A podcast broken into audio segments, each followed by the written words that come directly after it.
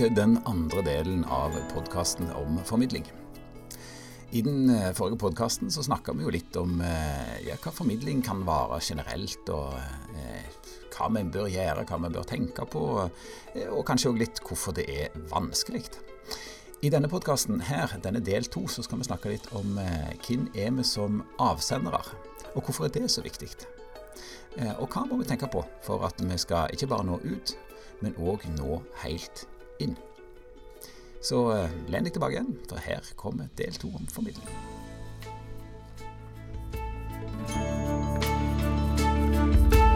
Men uh, du, Sara.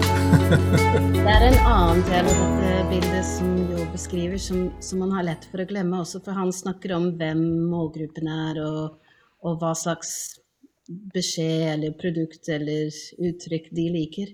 Men det, det, er en tredje viktig element, og det er hvem er vi? Eller hvem er den som skal kommunisere?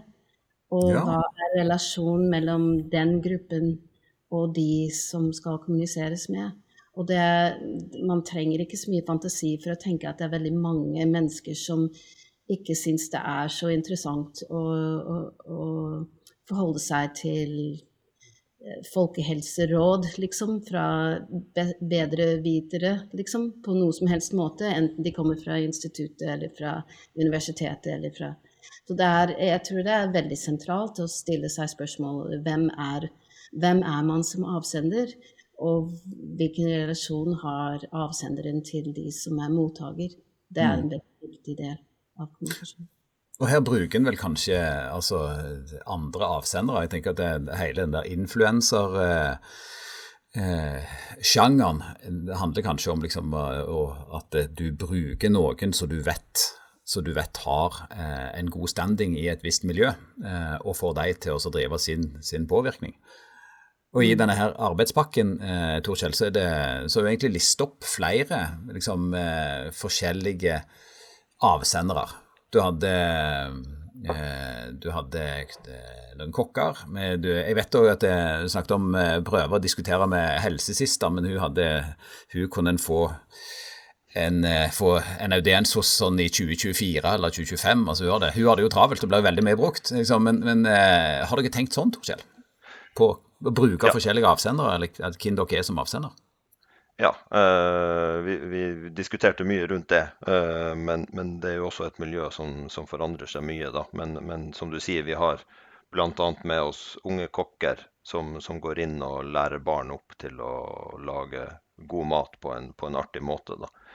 Uh, og vi, vi kontakta helsesista, og som du sa, hun hadde ikke tid. vi har også snakka med Statistikk, altså Katrine Frøy Frøsli, som har snakka om tall på en, på en annen måte. Jo er jo også veldig god å snakke om tall. Så vi, vi, vi prøvde å tenke nytt, da. Men uh, med en gang vi tok opp igjen tråden og vi fikk penger, så, så poengterte jo Jo at vi var allerede utdatert når vi tenkte nytt når vi skrev søknaden. Så eh, det var ikke det at jeg følte for å gi opp med en gang da, men, men eh, det viser jo hvor, hvor, vanskelig det er, og, og du ser hva ungdommene gjør. Og, og, og Jo er inne på det her med med altså, den gruppa du er i. Da. Altså, det, det ikke, av og til er det ikke nok å nå et individ da, hvis ikke de rundt deg faktisk bryr, bryr seg om det samme. Så, så, så det blir Ja, og, og, der har man skifta. Nå er man på de unge på TikTok. Det, to år tilbake så jeg vet ikke hvor mye TikTok ble brukt da, så var det mye mindre. sånn at det er litt sånn Skal vi måtte gjøre en TikTok-dans for å beskrive effekten av fysisk aktivitet for å nå ut til en målgruppe? Altså det er hvor, hvor legger man lista her? Og, og, eh, det er jo derfor vi, vi, vi, er så veldig glad for at Sara og Jo er, er med oss i, i, det prosjektet, sammen med de andre som også er i den arbeidspakka som ikke er her i dag. Da. Det er at vi får, vi får belyst det her fra, fra så veld, veldig mange måter på, på, på en gang det kan jo også resultere i at ikke vi ikke kommer noen vei, men, mm. men det gjør vi. vi. vi. har lyst ut nå, skal ansette to stipendiater da, som skal, som skal, jobbe med det her. hvor skal, En av dem skal prøve å utforme nye, nye måter å formidle de her tingene på, og noen, uh, den andre kandidaten skal ta for seg altså hvordan, hvor er det man henter informasjon fra i de ulike gruppene. Ja, Men du jo, eh, jeg tenker at sånn Uavhengig av effekten av den TikTok-dansen, så kunne jeg veldig gjerne tenkt meg å sette den. Eh, det hadde jo vært deilig. Men, men, eh, du jo jobber jo veldig, sånn, veldig mye med eh, både sosiale medier, du dukker jo opp eh, både her og der. Eh, klarer vi som forskere å, å henge på, eh, eller blir vi liksom sånn kroniske bakpå? Vi ligger jo bakpå.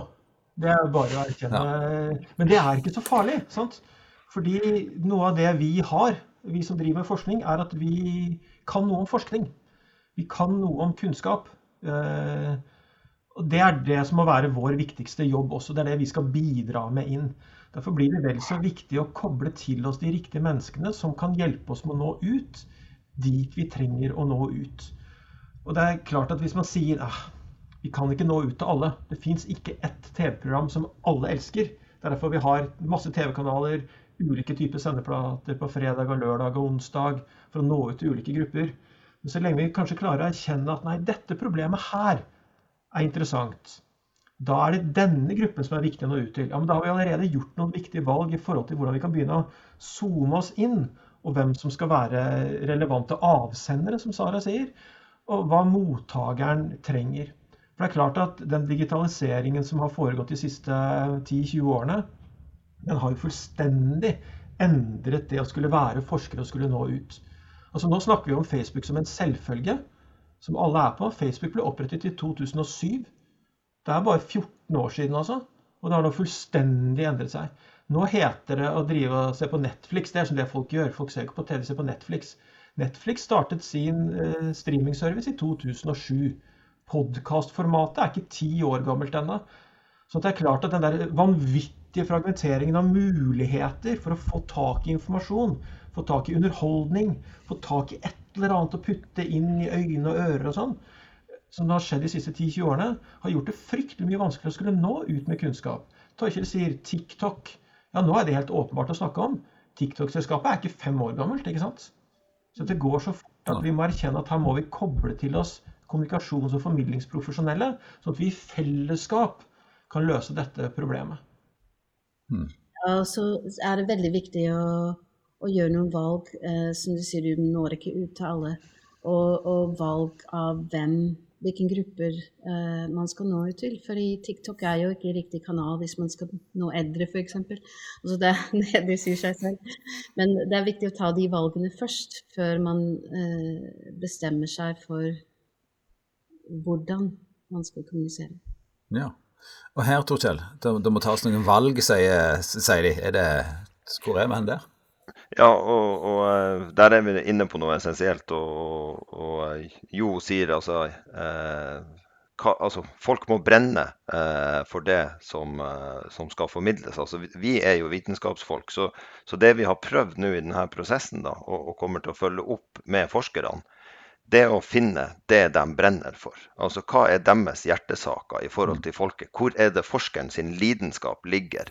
Og så har vi prøvd å dele opp de delene litt, da, sånn at de som kan formidling, sånn at forskeren skal bare kunne fortelle om hjertesaken sin. Altså det her er utrolig viktig. Det her kan jeg masse om. Det her viser sånn og sånn og sånn. Og gå helt inn og fortelle oss om det. Og så kan vi ta den beskjeden og gå litt i et annet medium i denne arbeidspakken da, og si at ja, det her er et fantastisk fint budskap. Kan det budskapet nå ut til noen, og hvem burde det nå ut på, og hvordan måte, som Sara her er inne på.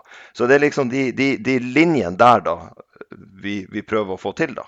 Og, og at jeg, for vi som forskere begynner å snakke om noe, så begynner man fort å tenke ja, nå snakker jeg til den, og nå er det den.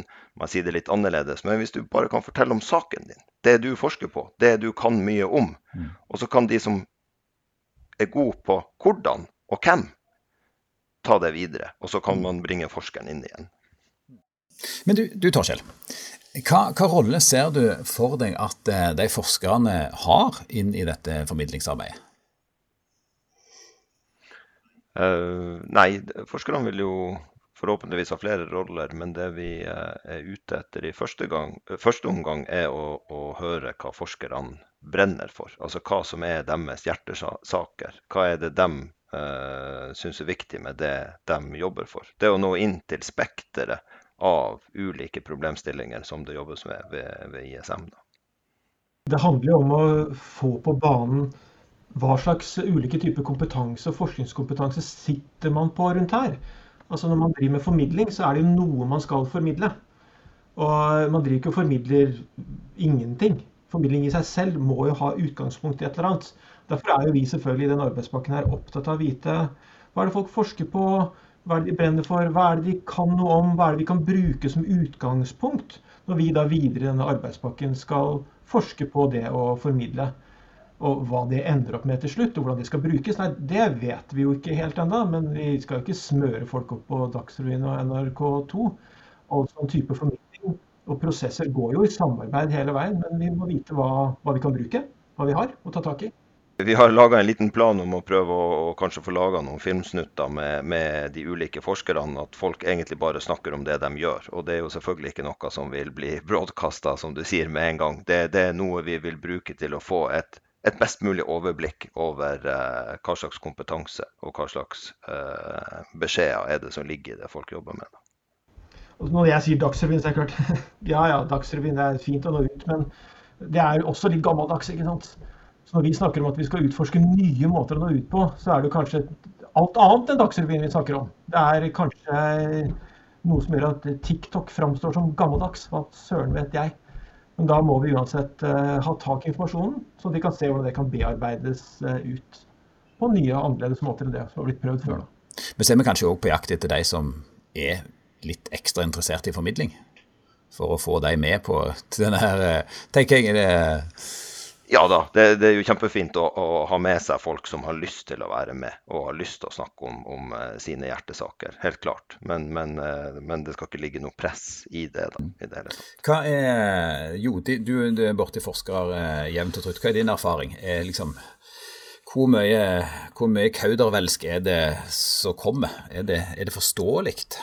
Jeg må si jeg er generelt ganske imponert over hvor flinke forskere er til å, å snakke om prosjektene sine.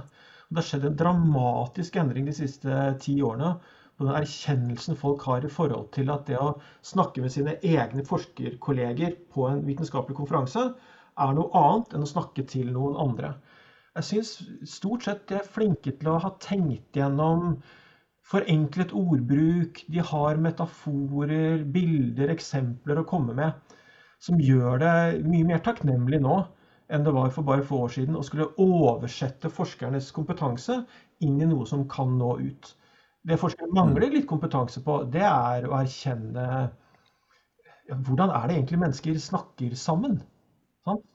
Mennesker driver med historiefortelling. Vi forteller historien om da jeg var og kjøpte bagett i forrige uke, og så var det en som sto foran meg i køen, og da måtte jeg gjøre sånn og sånn. Og han hadde på seg en blå genser, og det var veldig rart i forhold til det der.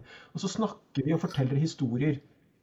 Og da er det klart at Historien må ha en introduksjon, det må ha et poeng, det må ha en protagonist som ønsker noe, vil noe og skal noe. Og den måten å tenke formidling av kunnskap på, er man jo ikke trent opp til, fra forskningssida. Der er man tvert imot opptatt av å filtrere ut subjektet. Sant? Det skal være objektivt. Men det er klart at med en gang du fjerner protagonisten fra en historie, det er klart, da kollapser ting litt. Hvis du fjerner Rødhette fra historien om Rødhette og ulven, ja, og det blir en hypotetisk scenario, det er jo verdens kjedeligste godnatta-historie. Ja, du sovner jo for det. Gjør historien, ikke sant? Og Det er derfor vi putter massevis av millioner av penger på Tom Cruise eh, for å være hovedrollen, fordi at det er et menneske du har lyst til å følge gjennom hennes historie. Det er en grunn til at vi velger å kaste programledere på TV og radio. Det er mennesker du har lyst til å høre på, følge med på. Så at mm. det, Utfordringen her ligger jo ikke på forskersida. Forskerne er flinke de, til å fortelle om hjertesakene sine. De er flinke til å være med hvis man sier hei, du, jeg skjønte ikke helt det der, har du, har du et eksempel? Så har de eksempler. Så gjelder det bare å mm. forvalte det og dra det enda litt lenger. Men da, og dette her er viktig, det er klart at det er mye som kan gå galt i det du prøver å nå ut til eh, unge eller eh, eldre eller en eller annen gruppe uten eh, doktorgrad. Så skal man forenkles, og plutselig ble det overforenklet og galt. Så det må være en feedback loop tilbake til forskerne for å sjekke at den vridningen som man gjør for å nå ut, faktisk holder mål. Så det er, en, mm. eh, det er ikke sånn eh, at forskere snakker og så leverer de fra seg en kunnskapspakke, og så skal noen bare formidle det. Det er viktig å få til denne kontinuerlige samarbeidsprosessen og sjekke at det mm. holder hele veien inn. Jeg leste en interessant, jeg leste en interessant artikkel, om, iallfall for meg interessant, om hjerneskanning og historie. For Der, det hadde de tatt de hadde tatt eh, mange, og så putta de inn en sånn FMRI-maskin der du kan se hjerneaktivitet eh, underveis. Og så hadde du presentert disse her som lå da i den skanneren, med informasjon. Sant? Det er tallet fem, det er noen bokstaver, det er sånn. Eh, og da lyser du opp liksom hist og her, der du, liksom, der du koder om eh, den informasjonen. Og så begynte de å fortelle historier. Sant? Og da lyser jo hele hjernen opp som et sånn juletre. Uh, og den, uh, den uh, forklaringa på det er liksom at uh, historie er liksom hjernen sin måte å simulere på. Sånn at det er som om jeg opplever det. bare at det, Og det er derfor du blir redd når du går på skrekkfilm. Og, liksom, at du, og da, da, er vi tilbake til det som du snakka om i, i starten, jo, at liksom, da er du med med hele kroppen og med hele deg. Og, og det er jo det vi husker. sant? Fortell meg en god historie. Den husker jeg alltid. Eh, fortell meg noe som er viktig å huske på. Det har jeg glemt før jeg har gått ut døra. Sant? Det er liksom eh, eh, det der å kunne knekke koden ser ut til å være viktig. Ja, og det er klart at eh, denne kunnskapsformidlingen som vi holder på med nå anno 2021, eh, er jo noe annet enn det den var i 1921. For det er klart at eh, nå går alle rundt med en mobiltelefon i lomma som har tilgang på internett. Og all kunnskap som mennesker har ervervet seg, du bare, finner du bare ved å trykke inn det du lurer på på Google. Så alt finnes. Det er ikke det at det ikke finnes tilgjengelig for folk. Det er bare det at de vet ikke at det finnes, de vet ikke at det angår dem, de vet ikke hva de skal gjøre med det. Så det vi mm. trenger, er jo vel så mye å hjelpe folk til å huske at å ja, riktig. Salat er lurt, vet du. Mm. Ikke fordi det ikke står på internett, men de, vi må få putt puttet den kompetansen inn i hodet. Og nøyaktig hvor mye salat og hvor ofte, nei, det kan de jo google. Jeg må bare få mm. essensen puttet inn, sånn at de overtar dette her selv. Men du, Sara, hvordan, hvordan navigerer vi i et landskap der, eh, der, alle kan være sin egen formidlingskanal og redaktør, og der eh, liksom eh, det som er Om, om det finnes noe som er liksom sann kunnskap, eh, konkurrerer med det som er fake news og eh, eh Du tenker på liksom informerte valg. Det, her, det virker jo litt som en, en eh, vanskelig verden å navigere i. Hvordan gjør vi det? Uh, ja Altså, no, noe av det vi også jobber med hos oss, er å, å utvikle læringsressurser for barn. Og, og, bli mer kritisk til Å tenke mer kritisk over påstander som de hører om eh, at, at et eller annet har en effekt på noe som har med helsen å gjøre. Og det, det, det, er, det, er, nok ikke den eneste måten fram, men jeg tror det er en, det er en, en god vei fram. Det er å lære opp uh, unge mennesker til å, til å kjenne igjen Bli obs på at det fins upålitelig kunnskap uh, mange steder. Og, og lære de opp til å kjenne igjen hva slags spørsmål de må stille Eh, når de står overfor noen som mener at de må ha en eller annen operasjon eller ta et eller annet medisin for å, for å bli sunnere eller penere, eller mm. at, at man, eh, man, øver seg på Man lærer å, å øve seg på å, å, tenke kritisk over informasjon. Mm. Mm. Ja. Jeg tenker, eh, Tor Kjelde, det, dette her er jo Du snakker om epigenetikk. sant? At hvor mye eh, det betyr liksom, Hvor mye betyr det di, dine foreldre eller mine foreldres livsførsel for meg? Nå er jeg småbarnsfar, så tenker jeg liksom, ok, men hvis jeg viderefører den, hvor mye betyr min livsførsel, ikke bare for meg, men òg for mine unger? Hvis jeg begynner å tenke at dette her, det handler ikke bare om mitt liv, men det handler om liksom, den kommende generasjonen, altså sånn, eh, og, og, så ser du at det er en stor sånn sosial ulik sånn at hvis jeg er på, et, eh, på feil spor, så fortsetter jeg kanskje på det feil sporet, liksom. Og eh, da blir det jo veldig viktig da, å klare å få til en knekk og få folk liksom inn på rett spor. Ja, ja da, og jeg er veldig glad for at du vrir det den veien. For man kunne jo sagt at ja ja, hvis jeg har arva mine fars og mors dårlige egenskaper, så er det jo ikke noe jeg kan gjøre med det. Eh, men det, er jo absolutt det. Og det er jo det epigenetikken handler om, da. Er jo at det er den foranderlige biten, altså den miljøpåvirka delen av arvematerialet vårt.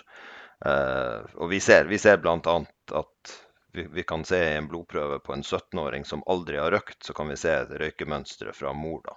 Sier du det? Og, og, det viser litt uh, hvor mye man har med seg. da. Nå, nå, samtidig vet man ikke hvor stor effekt det mønsteret på DNA-metylering har da, helsemessig. Men, men, det er all grunn. Og, og, man tror jo også det at selv om, selv om altså, selv, altså lønn og sosioøkonomi også påvirker epigenetikken utover de vanlige altså risikofaktorene som, som, eh, som, ligger i det. da. Så, så, eh, du har helt rett. altså. Det, det, å få folk til å bryte ut av et familiært mønster, da, det vil kunne ha konsekvenser også for de kommende generasjonene. Og det gjør det jo ekstra motiverende da, å prøve å gjøre noe med det. fordi hvis det er sånn at du har knekt det mønsteret og, og, og fått, fått endra eh, atferd og, og forbedra helse, så vil det forplante seg fremover. Sånn at får man først brytt brutt den trenden hvor vi nå ser at det, det, sosiale gapet i helse ikke blir mindre, så, så, så kan man plutselig få en stor effekt. da. Og da, hvis det er sånn, så tenker jeg at da forsvarer jo det litt av en innsats. Òg eh, for AS Norge. Jeg tenker at eh, her, eh, her, må det jo være vesentlig, eh, ves, vesentlig liksom, ting både i, i, rene kroner og ører å spare, men liksom òg for eh, folkehelse og livskvalitet i, liksom, i, en større forståelse. Et, eh, et lykkeligere Norge. Ja da, du skal ikke kalle Norge billig, men, men man, vil helt, man ville helt sikkert uh, spare noen helsekroner på akkurat det, da. Ja. ja. Jo, hvordan ser du på liksom dette? Det, eh, det, her høres ut som verdens største prosjekt eh, å ta tak. Nå skal, du liksom, nå skal du redde ikke bare denne generasjonen, men de kommende generasjoner. Hvordan, hva gjør du i morgen når du står opp for å liksom, ta tak i dette her? ja, Nei, det er jo bare å begynne å finne noe hvite ark og begynne å tegne litt ut. Nei, vi har jo I denne arbeidspakken så har vi jo snakket sammen i ganske lang tid eh, for å finne ut av hvordan man griper an dette utrolig kompliserte eh, domenet som man tråkker inn i. At dette her eh, må nå ut med kunnskap og forskningsbasert viten.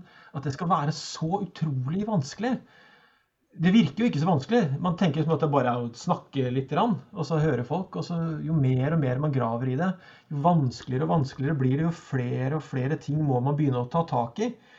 Sånn at Noe av det som blir viktig her, eh, handler jo også om å, å ta noen valg. sant?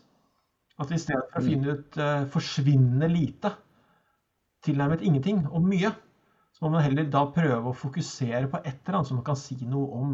Og det, da da er det, da er det forskeren i meg som snakker igjen. Vi, vi, må, vi, må, legge stein på stein. Og vi må i hvert fall klare å lage en stein eller to i løpet av dette prosjektet, som vi kan putte inn i det store byggverket. Jeg, jeg koser meg ofte med det, da, jeg som da har endt opp med å bli eh, statistiker inn i medisin og helse. Jeg er egentlig da utdannet som matematiker sånn på ordentlig. Det er jo et par tusen år med knallhard eh, forskning fra Pythagoras som fortsatt er pensum på skolen. ikke sant? Vi har holdt på dødslenge naturvitenskap og teknologi. Det er Newton og Einstein og hele gjengen. Det er noen hundre år med å eksperimentere med hvordan verden henger sammen. Og nå klarer vi endelig å lande en liten sånn fjernstyrt bil på Mars, så vi kan fjernstyre fra jorda og kjøre rundt og ta prøver. Men det er jo stein på stein på stein på stein.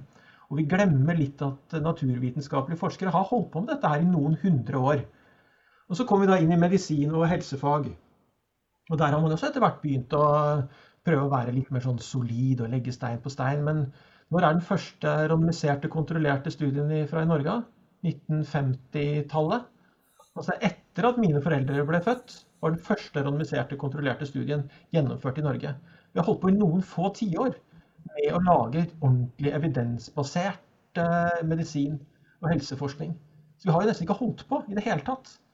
Og forskningsformidling og det har bare nå nylig blitt definert som et eget fagfelt. Er det noen randomiserte, kontrollerte studier om kommunikasjon i Norge? Det tror jeg ikke. Nei, det er faktisk null. Sant? Mm. Så har, det fins knapt noe stein i dette byggverket. Og Derfor må vi da erkjenne at vi klarer ikke i dette prosjektet her å bygge hele byggverket. Men vi må få satt ned noen stein som også gjør det lettere for de neste generasjonene av forskere å forske på det samme. Og det kjenner jeg at det blir mm. viktig. Er, så mm. hva gjør vi i morgen? Nei, vi må finne ut hvordan vi kan lage noe stein inn i dette forskningsformidlingsbyggverket, sånn at vi kommer oss videre. Og så får vi være Mm. fornøyd med det, og ikke tro at vi klarer å løse det store. Når du satt, jeg tror ikke Newton tenkte 'hvordan skal jeg ta fjernstyre en eh, fjernstyrt bil på Mars'? Begynne med å erkjenne at det fins tyngdekraft, og så tar vi det litt derfra. Og Hvis vi klarer å finne noe tyngdekraftlignende inni her, da syns jeg vi skal være utrolig stolte av oss sjøl. Ja. Sara, hva er, det, hva er den viktigste steinen som du ser i, i dette her? Hva er det liksom Ja, jeg tror det er å erkjenne at man ikke kan antagelig påvirke atferdsendringer i stor grad bare med kommunikasjonstiltak. Og at man må tenke smalere og, og, og mindre ambisiøst, for å si det sånn, og få velge litt uh, uh, hva er det man kan oppnå, hva kan man måle? At, uh, kommunikasjon er jo bare én liten del av det som eventuelt kan påvirke atferd. Uh, jeg tenker på liksom hvis du uh, nå, Hos meg så har de nettopp bygget ut veien som er ved siden av meg, har de nettopp bygget ut med, med sykkelvei på begge sider av asfalten. Og da er det plutselig en helt ikke sant? Du kan ikke parkere der lenger når det, når det plutselig er sykkel. Og det gjør de over hele Oslo. De bygger og, og sykkelnett, sånn at folk kan komme fra, fra Grefsen til uh, rådhuset. Og, og det, sånne type ting som er fysisk endring av miljøet, det har nok en veldig mye mer fundamental eh, virkning på, på, folks fysiske aktivitet i løpet av en dag å bruke sykkel. Mm. Mer enn det å gå ut med en kampanje om, om sykkelbruk. Så det er å erkjenne hva er det man kan, hva kan man oppnå med kommunikasjon. Og, og så tenker man at man kan, liksom, man kan øke kjennskap til noe informasjon eller, eller forskning.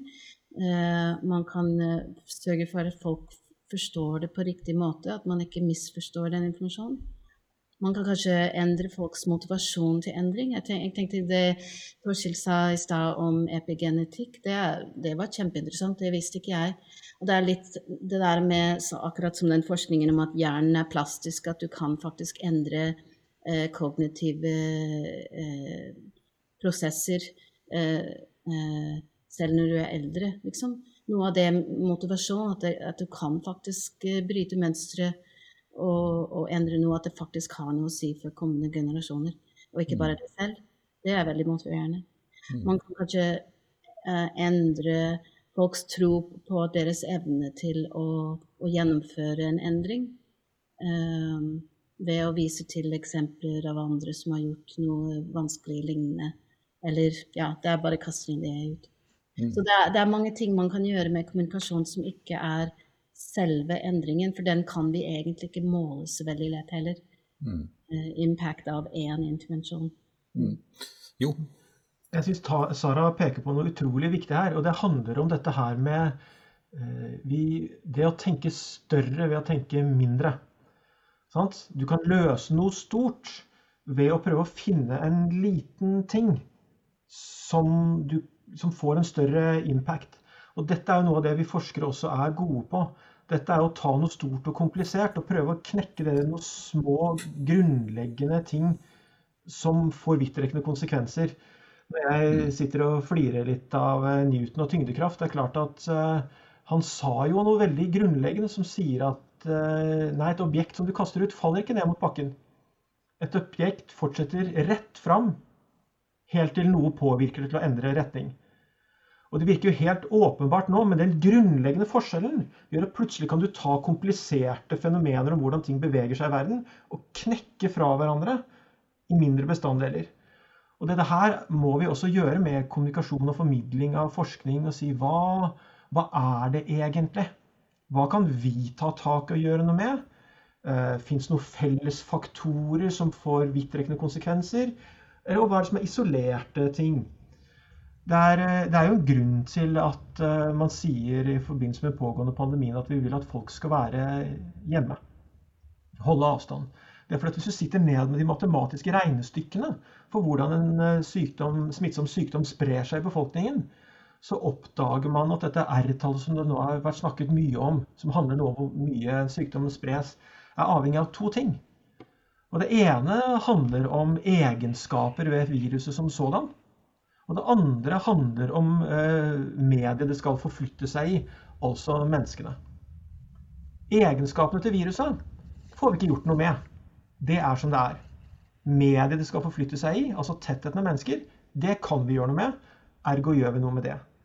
Men den matematiske innsikten og ligningene har altså sagt at R-tall avhenger av to ting. Da er det de to vi må fokusere på. Den ene kan vi ikke få gjort noe med, den andre kan vi få gjort noe med. Da går vi inn der. Og den for meg, koblingen mellom knallhard filosofi, matematikk, teori, forskning, med hva kan vi gjøre og ikke gjøre, dit må vi kunne klare å komme oss. Nå, tenke mm. stort ved å tenke smått. Det hadde vært kult om vi klarte, altså.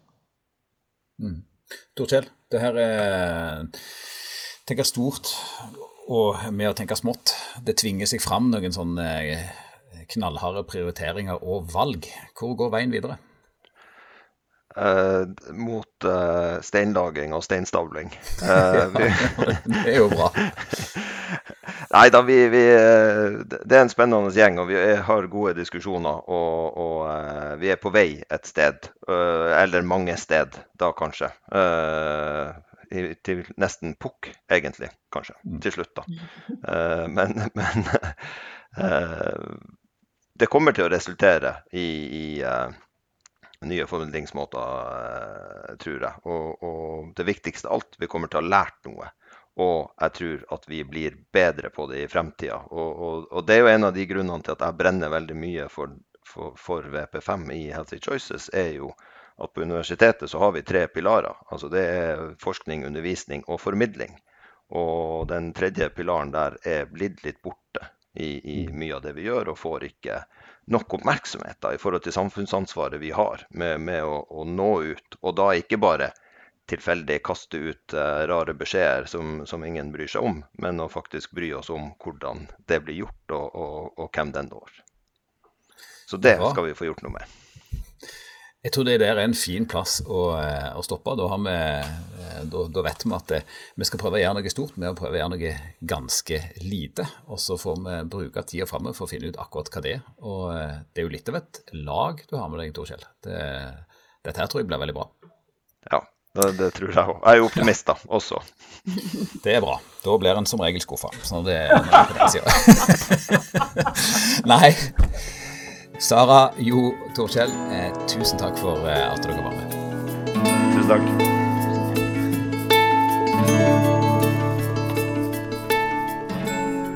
Du har hørt den andre delen i podkasten om formidling. Der eh, vi har snakka om eh, ja, hva kan vi som forskere, hva kan vi ikke. Og, og særlig med fokus her i den arbeidspakke fem som er i Healthy Choices-programmet, eller prosjektet, kan vi si. Håper du likte det du uh, hørte. Og uh, så er det bare å uh, ja, la dette her modne litt og tenke hva har jeg å bidra med? Hva er det jeg gjerne kunne tenkt meg å fått liksom formidla ut? Og ja, så tar vi kontakt med deg, da. Og så tar vi det derifra. Dette blir kjekt, folkens. Tusen takk for at du hørte på.